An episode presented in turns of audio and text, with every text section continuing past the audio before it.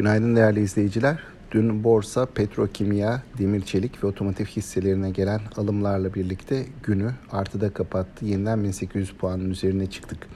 Ancak diğer taraftan bankalardaki zayıf seyir ve olumsuz ayrışma devam ediyor. Bankacılık sektörü endeksi dünü eksi de tamamladı.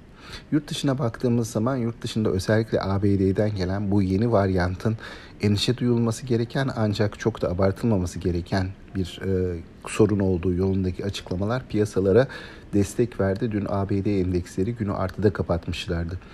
Bu sabah itibariyle baktığımda ise ABD tarafında bir miktar geri çekilmeler var. Endeks vadelileri aşağı yönlü hareket ediyor. Buna karşılık Asya piyasaları güne olumlu başladı.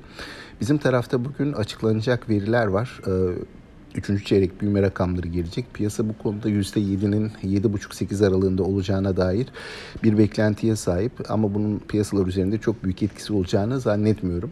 Dün açıklanan rakamlarda da bankaların Ekim ayı karlarını gördük. Ekim ayı karları özellikle kamu bankalarındaki bu net faiz marjına bağlı olarak görülen toparlanmanın etkisiyle 9.1 milyar gibi bir e, rakama ulaştı ki önceki aylarda bankaların aylık bazda karları en yüksek 8,5 e, milyar TL civarında gerçekleşmişti. Bu da bankalar adına olumlu bir gelişme olarak değerlendirilebilir.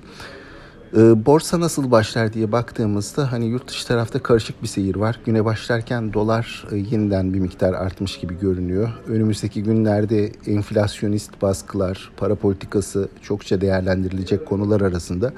Dolayısıyla endeksin e, bu aşamada hani net bir yön belirlemesi oldukça güç görülüyor. Ben bugün e, endeksin yatay seviyelerde güne başlayacağını tahmin ediyorum.